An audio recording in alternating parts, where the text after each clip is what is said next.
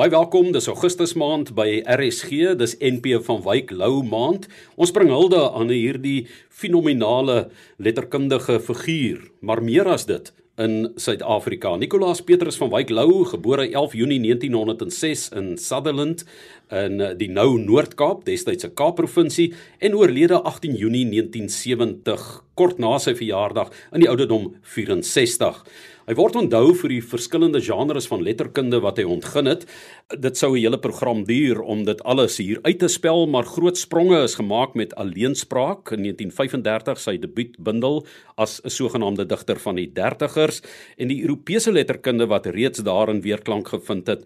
Dan die radikale veranderinge met nuwe verse in die middel van die 1950er jare en Tristia sy laaste digbundel uh, 1962 wat so hoog aangeskryf word. Dramas was daar talle van die held Germanicus, die pluimsaad waai ver waar hy 'n konflik met die regering van die dag gekom het, uh, die epos Raka en dan dink 'n mens ook aan sy kritiese opstelle.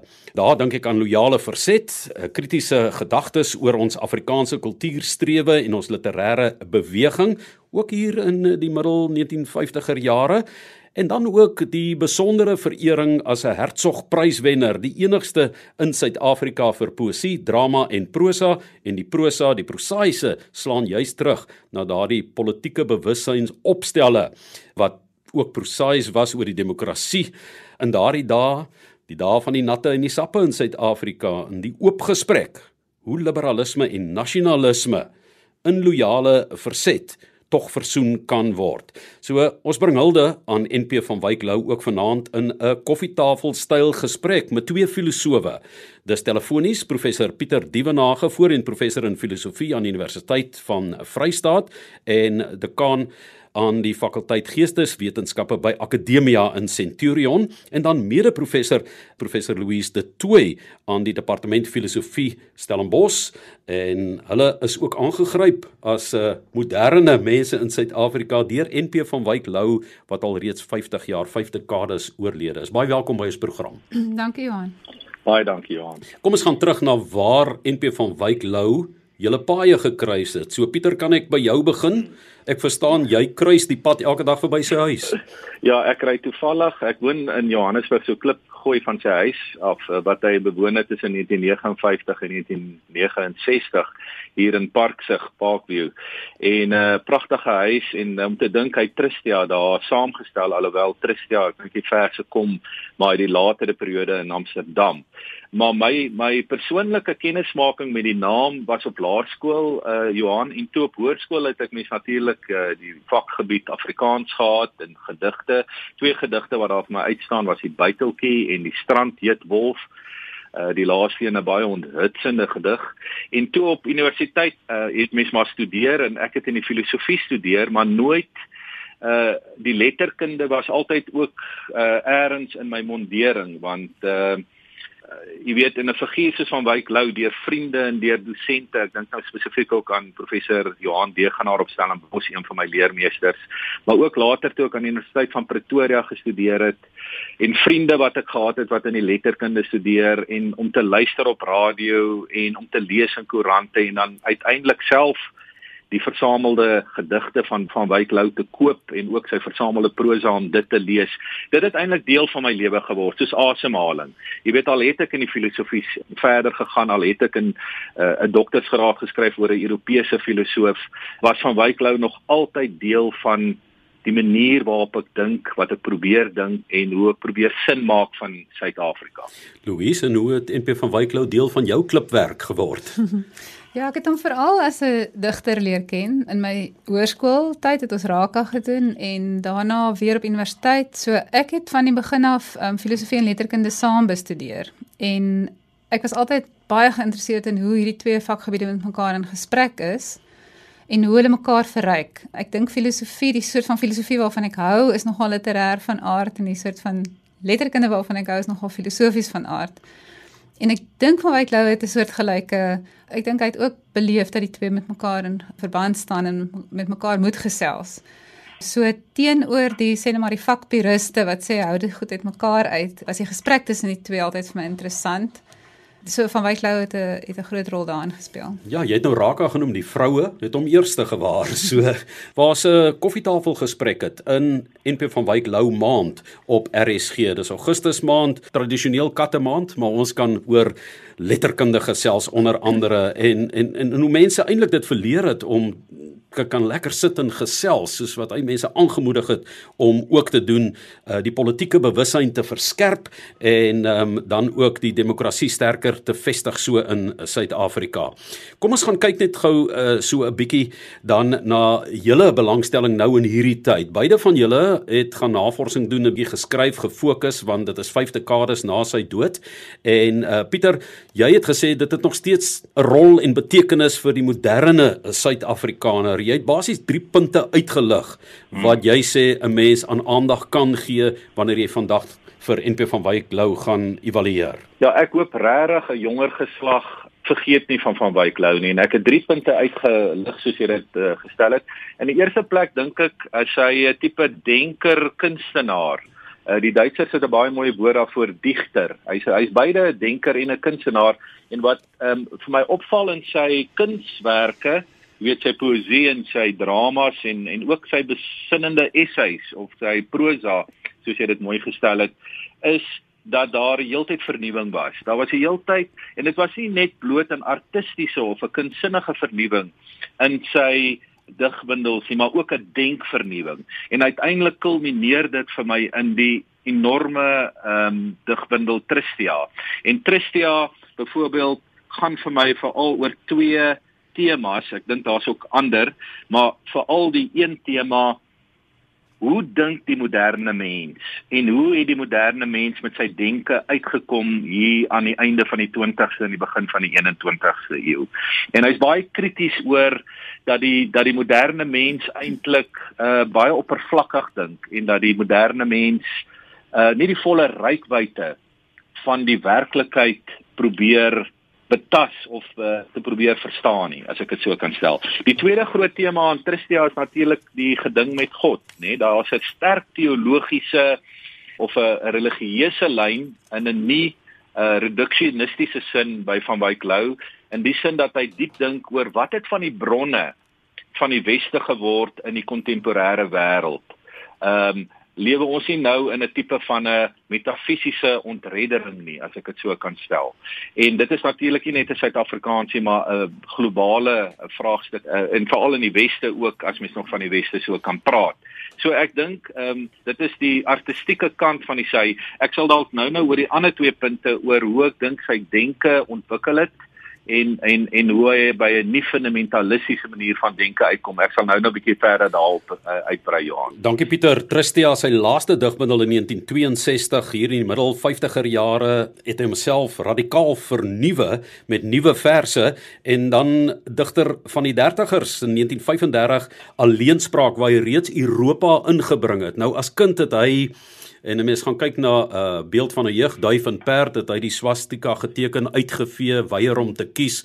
Hy praat van die bruin Romeinse legioene wat draf oor die plaas werf en Louis as 'n stedeling nou, hmm. Stellenbosch, 'n dorpenaar van Stellenbosch wat 'n heel ander tipe blootstelling uh, gehad het. Was dit vir jou ook so fenomenaal om te sien hoe hierdie plattelandse seun met die invloede om hom. Hy's later skool toe by Sax in mm. Wynberg, mm. maar dat daai min tot so baie kon lei. Ja, ek ek weet nie of dit reg is om te sê hy het met min groot geword nie. Ehm um, hy praat van die dorpsbiblioteek waar hy vreeslik baie boeke gekry het en verslind het. Ehm um, hy's as kind al reeds aan Afrikaans, Engels en Nederlands blootgestel. Wat ek hou van van Wyk Lou is dat hy dat hy verskeidenheid kan waardeer. En ek dink dat sy liefde vir Afrikaans ook teen die agtergrond gesien moet word van sy liefde vir al hierdie tale, né? Hy het die seggingskrag van elke taal verstaan. En daarom dink ek het hy aangehou om Afrikaans sprekendes uit te daag om oor alles in Afrikaans ook te kan dink en skryf.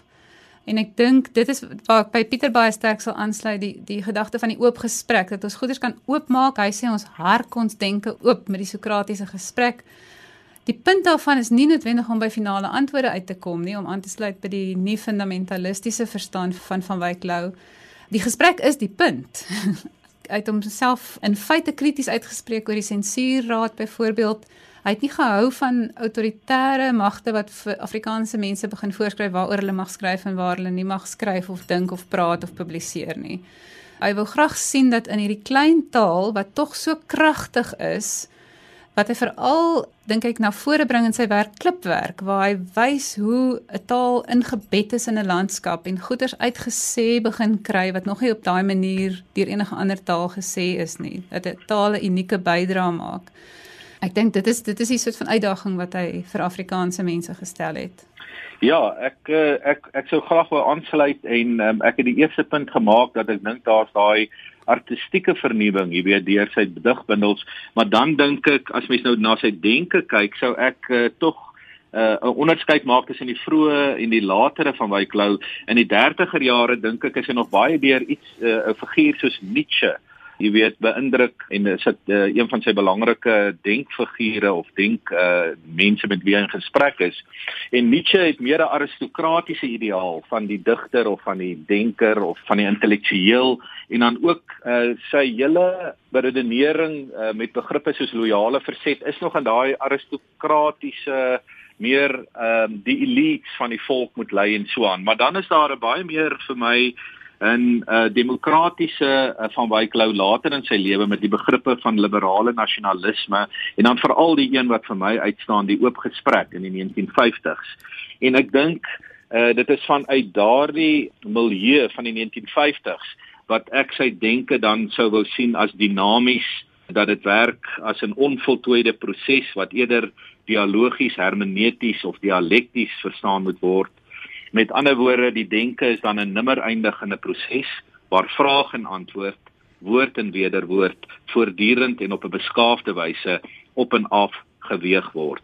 En dan is my laaste punt net hier eintlik maar Johan, is ons in Suid-Afrika by daai punt dat ons so gesprek kan voer, so oop gesprek En ons is ook op die wêreldtoneel op die oomblik. As mens nou kyk wat in Amerika op die oomblik afspeel en in in Europa en Brittanje, is ons by daai punt dat ons op so 'n beskaafde manier met mekaar kan verskil.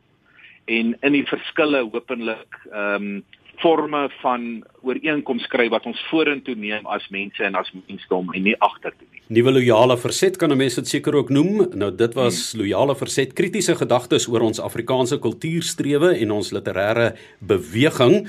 En dit bring ons by Degenaar en Lou en mm. die werk wat gedoen is deur Louise de Tooy 50 jaar nou na die dood is daar heelwat mense wat geskryf het oor die invloed van NP van Wyk Lou.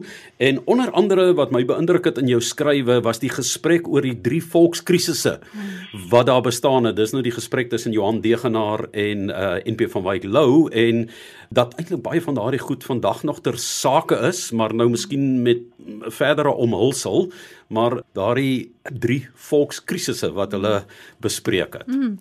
Ek dink hy skryf daai opstel van hom Lou in die tyd wanneer die breinmense in die Kaap-provinsie van die rol, ja, die stem afgehaal word na 'n ander rol toe geskuif word wat eintlik effektief hulle stemreg vernietig.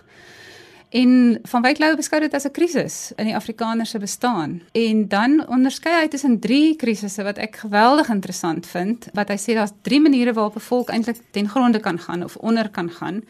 Die eerste ene is 'n soort van 'n eksterne bedreiging wanneer 'n volk sê maar deur 'n oorlog of wat ook al uitgewis of verdryf word. Dit is dan wanneer 'n vyand 'n volk tot niet maak. Maar dan is daar twee verdere interne krisisse. Albei word intern gedryf. Die eerste een is wat hy sê en dit sluit dan nou baie mooi aan by sy liefde vir Afrikaans en sy waardering van Afrikaans wat hy sê as Afrikaanse digters en skrywers nie hulle werk doen nie en nie die wêreld oop skryf vir Afrikaanssprekendes nie, dan raak 'n taal benouend, dan raak 'n taal klein en 'n soort van 'n tronk eerder as 'n venster wat vir jou uit uitvat in die wêreld in. Dit sluit jou eintlik van die wêreld af. En hy sê as 'n taal met ander woorde nie vir die mense wat dit praat, die wêreld in sy volheid bemiddel en oopmaak nie, dan gaan mense sommer van self ontbind. Dan gaan die Afrikaanse volk, die Afrikaanse taalgemeenskap gaan hulle goed oppak en loop. Ja, so so so dit is die dit is die een interne bedreiging en dit sluit dan eintlik aan by wat Pieter sê van die aristokratiese ideaal. Waar is die groot skrywers en denkers wat Afrikaans se dieptes en hoogtes en wytes moet verder vat en verder ontwikkel en ek dink daad van Wyklou self 'n reuse bydra indien nie die grootste bydra gemaak nie. Maar dan die tweede interne bedreiging is aan 'n etiese eis wat aan 'n volk gestel word en dit is iets wat Degenaar baie sterk waardeer by Lou, by die latere Lou. So waar hy aanvanklik baie sterk net gestaan het op 'n taal het 'n aanspraak op oorlewing as hy mooi goed gesê kry, 'n soort van 'n interne kriterium wat hy vir homself aanlê. In sy latere denke van in die 50er jare raak hy baie meer eties. Ehm um, gaan dit vir hom baie meer oor die verhouding tussen die volk en die ander volke. so met ander woorde, hoe gedra jy jou ten opsigte van die wat anders is as jy? So dit raak 'n etiese maatstaf vir die voortbestaan van 'n volk en hy sê 'n volk kan faal daarin. En dis waar sy ideaal van voortbestaan en geregtigheid vandaan kom wat ek dink nog steeds vandag praat met ons want vreeslik baie mense dink dit is genoeg om te sê 'n volk het die reg op 'n voortbestaan. Van Wyk Lou kwalifiseer dit en sê maar daar is 'n daar is 'n voorwaarde daaraan. Jy kan net jy kan net oor jou voortbestaan besorg wees as jy dit doen in geregtigheid in jou verhouding met ander volke. So ek dink hierdie vraag is nog steeds relevant vir ons vandag. Ons moet eintlik op 'n nuwe manier terugkom soontoe. Ek dink van Wyk Lou staan eintlik op 'n manier nader aan ons wanneer hy in die 30er en die 40er en die 50er jare skryf in diep wonder oor die reg van 'n klein taalgemeenskap om voort te bestaan. Ons staar eintlik 'n soortgelyke situasie nou in die gesig. Ons het nie meer politieke mag so seer nie. Waarheen gaan ons nou met ons Afrikaansheid? En ek dink op die minste moet ons hoor hoe het hy hierdie vrae aan die orde gestel. Pieter, miskien kan jy aansluit ook want 'n taal is ook 'n Turks vy. Dit lyk heelwat anders as in NP van Wyk Lou se tyd, né? Maar ek dink ook John Wery se lesing wat hy gegee het wat uh vir party mense selfs uh onverstaanbaar was die woorde want dit is ook 'n vorm uh, van Afrikaans is miskien aan die een pool daarvan teenoor ja, ek weet nie Truidapool aan die ander kant, jy weet. Mm, mm. Ek dink die hele kwessie van taal gaan ek nou by uitkom en en Kaaps, um, ek wil net aansluit by Louise in die sin dat ek dink ek sien saam uh, daar's die drie verskillende krisisse wat 'n volk kan ervaar, maar ek dink die middelste ene dat daar moet skrywers kan skryf en wil skryf en ek dink tog daar kom 'n punt in van daar moet die instellings wees. Daar moet die instellings wees vir vir 'n volk of vir 'n gemeenskap om te kan bewys hy kan doen wat hy wil. En daai instellings moet eintlik uh in 'n sekere sin en dan kom jy by die derde punt van geregtigheid die kwessie van diversiteit in 'n land. As daar vele kulture en gemeenskappe is dan moet dit op 'n manier polities en institusioneel vergestald word. En dit is eintlik maar my laaste punt dat met sy nie fundamentalistiese denke sou van Wyk Lou baie krities gewees het oor 'n magsentralistiese stelsel wat een taal van bo af op die bevolking afdwing in 'n tipe imperialistiese sin. En en die ironie is dat dit word gedoen in die naam van postkolonialisme of sosiale geregtigheid, maar dit is wesenlik 'n magsentralistiese stelsel wat een taal op die werklikheid afdwing en ek dink hy sou baie krities daarop gestaan het en en dit sou ingespel het ook oor op daai drie krisisse maar dit is eintlik 'n etiese kwessie dis 'n morele kwessie dit is 'n polities filosofiese kwessie as jy as jy so magsentralisme het. En die eintlike punt waar ek wil by uitkom is dat wanneer jy dan ook instellings vernietig in die proses wat Afrikaans was en wat bewese mense gehad het in Afrikaans wat dit wil bywoon en jy vernietig daai instellings waarmee is jy besig? En ek dink persoonlik want van Wyklou was nie net vir my denke nie, maar ook uh, iemand van wat handeling was vir hom 'n verskriklike belangrike tema. Mense kan maar net dink in Germanicus hoe belangrike tema dit daar is en ook in Tristia dat hy sou gesê het maar dan moet 'n mens handel. Dan moet jy nie net aanvaar kritiekloos dat instellings vernietig word waar daar 'n lang tradisie van 'n taal is en waar mense opgevoed moet word en waar hulle hulle rolle kan speel om te kan besluit of 'n volk moet of 'n gemeenskap moet voortbestaan. As daai instellings vernietig word, dan uh, in 'n sekere sin sit jy in 'n enorme krisis en dan is die krisis aanvaar jy die situasie soos wat dit is of bou jy weer nuwe instellings? En ek persoonlik ehm um, vind my meer in die laasgenoemde posisie tuis. Ek bou nou weer nuwe instellings in Afrikaans en ek glo van Wyk Lou sou 'n interessante polisie hy sou presies gestaan het waar ek gestaan het nie, maar ek sou 'n lekker gesprek met hom hieroor kon gehad het. Ja, Pieter, ek ek ek dink dat ehm um, as 'n mens gaan kyk na die tyd toe van Wyk Lou geleef het, het mense om dikwels probeer kaap vir hulle idees, né? En ek dink veral Afrikaner nasionalisme, ehm um, Louise, ek dink jy verwys ook daarna in 'n artikel wat jy ook uh, geskryf het vir die tydskrif vir geesteswetenskappe dat telkens groeperinge probeer het om MP van Wyk Lou by hulle te kry en dan het hy nou weer ontsnap daaruit. Miskien moet jy daarop net reageer ook. Ja, as ek net kan sê, ehm um, so so ek dink hy het baie sterk gevoel oor verskeidenheid en dat geen mens is 'n algemene mens nie. Elke mens word gebore en grootgemaak in 'n spesifieke taal, in 'n spesifieke leefwêreld en die bo persoonlike organisasies is belangrik. Maar ek dink uh van Wyk Lou sou wou sien dat 'n ryk verskeidenheid van tale geïnstitusionaliseer word. Ek dink hy sou hom skaar by diegene so heelwat um Afrika denkers Ngugi wa Thiong'o en uh, Pauline Huntonji en so aan heelwat Afrika denkers wat sê dekolonisasie begin by in jou eie taal dink en praat. En ek dink van Wyk Lou sou absoluut daarbey aangesluit het. So hy sou ten gunste gewees het van meertaligheid. Ek ek is ek stem saam met Pieter daar. Maar ek dink ook hy sou krities gewees het oor 'n soort van 'n voorhou van standaard Afrikaans as die enigste vorm van Afrikaans. As jy gaan kyk na sy teksklipwerk byvoorbeeld, dis brein Afrikaans, dis plattelandse Afrikaans, dis 'n Afrikaans wat eintlik al grootliks gemarginaliseer is deur standaard Afrikaans. Ek dink dit sou hom ook interesseer het en en hy sou ook ander forme van Afrikaans graag wou sien na vore kom en voortbestaan. Ek weet nie, maar ek dink nie hy was 'n taalpurist nie. Ek dink hy sou sou verstaan het dat, Afrikaans self 'n hibriede taal is en dat ehm um, Afrikaans in baie verskillende forme ontwikkel het en hy's veral geïnteresseerd dink ek in daai lewendige, geleefde, organiese funksie van die taal. Eerder as in sy openbare hy sê op 'n stadium standaard Afrikaans, 'n soort van 'n bureaukratiese amptelike Afrikaans lyk vir hom soos Engelse ribbetjies met 'n dun Afrikaanse velletjie daaroor. So so hy's krities oor 'n uh, ehm um, en en ek dink um, om aan te sluit by waarmee Pieter heel aan die begin gepraat het van hoe die moderne westerse mens van in sekere opsigte van homself vervreem word. Ek dink 'n kliniese, bureaukratiese, openbare Afrikaans sou vir van Wyk Lou deel van daai vervreemding gewees het. Hy is juis op soek na 'n taal waarvan die hart warm klop. Sou jy Louise hom beskou as een van die mense wat die eerste tree gegee het na die kolonisasie en die Afrika kolonisasie gesprek wat nou op die tafel is? Ja, dis waaroor my artikel handel. Ek het ehm um, dis maar so 'n bietjie ek het gaan krap, jy weet, hulle het my gevra om iets te skryf en ek het begin by die gesprek tussen Degenaar en van Wyk Lou en die punte waarop Degenaar van Lou verskil het, veral oor nasie en hoe hy nasie verstaan het.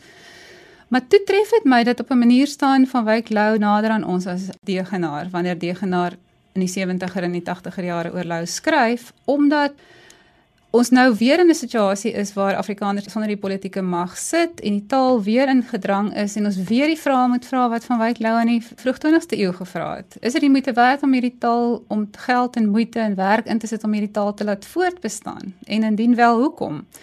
Vir my is van Wyk Lou ook met sy kritiek op Engels, uh, sy kritiek op die koloniale mentaliteit, is hy absoluut 'n voorloper van die dekoloniale gesprek wat ons vandag sien. Ek noem hom 'n proto-dekoloniale denker. Hy het dieselfde vrae op die tafel gesit. Hy hy was ook bekommerd daaroor dat mense in afgeleë plekke soos Suid-Afrika hulle werklikheid tweedehands kan beleef oor 'n afstand en vervreem van hulle self, want hulle dink alles wat belangrik is gebeur elders in 'n ander sentrum. En dit is 'n tipiese belewenis van mense wat in 'n koloniale logika vasgevang sit. Ehm um, so vir van Wyk Lou was dit ontsettend belangrik dat ons in ons eie taal vanuit ons eie geleefde ervaring in ons eie plek dat ons al hierdie goeie sentraal stel en ons eie denke doen selfstandig. So ook 'n soort van 'n verligtingmotief wat jy daar kry. Raak selfstandig en dink vir jouself, sou van Wyk Lou gesê het.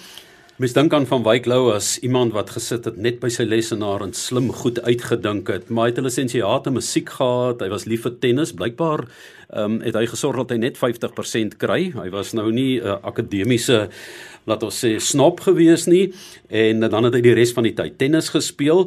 Mens sien ook dat geloof 'n belangrike rol in sy lewe gespeel het. Mens dink maar aan naggesprek WEG Lou en NP van Mike Lou, die gesprek wat die broers met mekaar het toe hy die uh, Romeinse geloof uh, wou aanhang en dan ook op sy sterfbed sy laaste woorde wat hy geskryf het, uh, die betekenis wat dit vir hom gehad het en ook verander.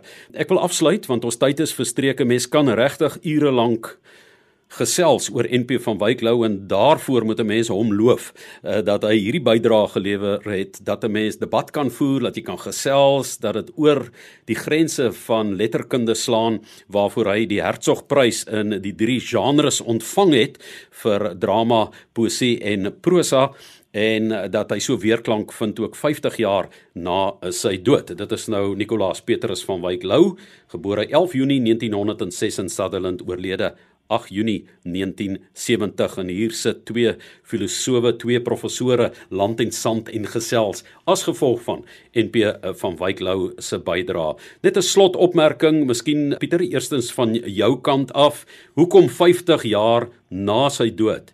Hoekom sou mense nog enigsins belangstel in wat hy gesê of geskryf het?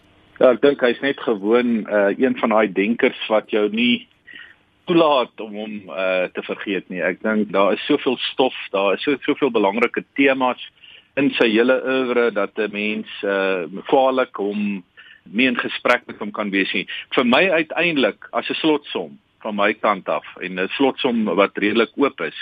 Ek dink as ek Tristia lees en ek het uh, vroeër na Tristia ook verwys, dan is dit uh, vir my uh, van Wyk Lou om met vier wesenlike vrae besig en dit sluit aan by die 18de eeuse filosoof Immanuel Kant. En dis die vraag wat kan ek ken? Met ander woorde, uh, hoe ken ek die wêreld? Hoe werk hoe werk kennis? In die eerste plek. Die tweede vraag is wat kan ek doen? Dis die handelingsvraag, die etiese vraag. Hoe handel ek in die wêreld? Die derde vraag is waarvoor kan ek hoop? En dit is die religieuse of die estetiese vraag. En die laaste een uh, wat eintlik met hierdie drie vrae wat die wesenlike vraag is, uh, verband hou is wat is die mens? Wat is die mens? En ek ek dink uiteindelik as mens daardie vraag wat ook in Tristia is voorop hou, dan kan mens vra oor kolonialisme en dekolonialisering hanteer. Jy kan vra oor gender hanteer, jy kan vra rondom die ekologiese krisis hanteer en so meer. Dan is uiteindelik van Wyk Lou vir my 'n denker tussen die tye. Hy het betekenis gehad vir vorige geslagte, uh het hopelik uh betekenis vir ons geslag en ek glo hy sal ook betekenis vir toekomstige geslagte hê mits daar Afrikaans bly en mits daar ook Afrikaanse instellings bly. Die pluimsaad waai steeds ver, wil mense amper sê. Mens kan in konflik kom, loyale verzet het hy dit genoem en kritiese gedagtes oor ons Afrikaanse kultuurstrewe en ons literêre beweging wat nog weerklank vind vandag by ons filosowe soos uh, professor Pieter Dievenage, voorheen professor aan die Universiteit van die Vrystaat in filosofie en tans dekaan fakulteit geesteswetenskappe by Akademia in Centurion en ook 'n slotwoord van professor Louise de Toey mede-professor aan die departement filosofie aan die Universiteit van Stellenbosch oor NP van Wyk Lou se kragdadige verskynsel 50 jaar na sy dood in ons geleedere. Ja, dankie Johan. Dit was 'n heerlike gesprek. Ek wil sê ek dink van Wyk Lou is 'n klassiek, jy weet, in die sin wat die Bybel en Shakespeare classics is. Ons sal voortgaan om met hom in gesprek te tree. Vir soverre soos wat Pieter sê, vir soverre wat ons nog in Afrikaans dink, sal hy vir ons 'n reisgenoot en 'n denkgenoot bly.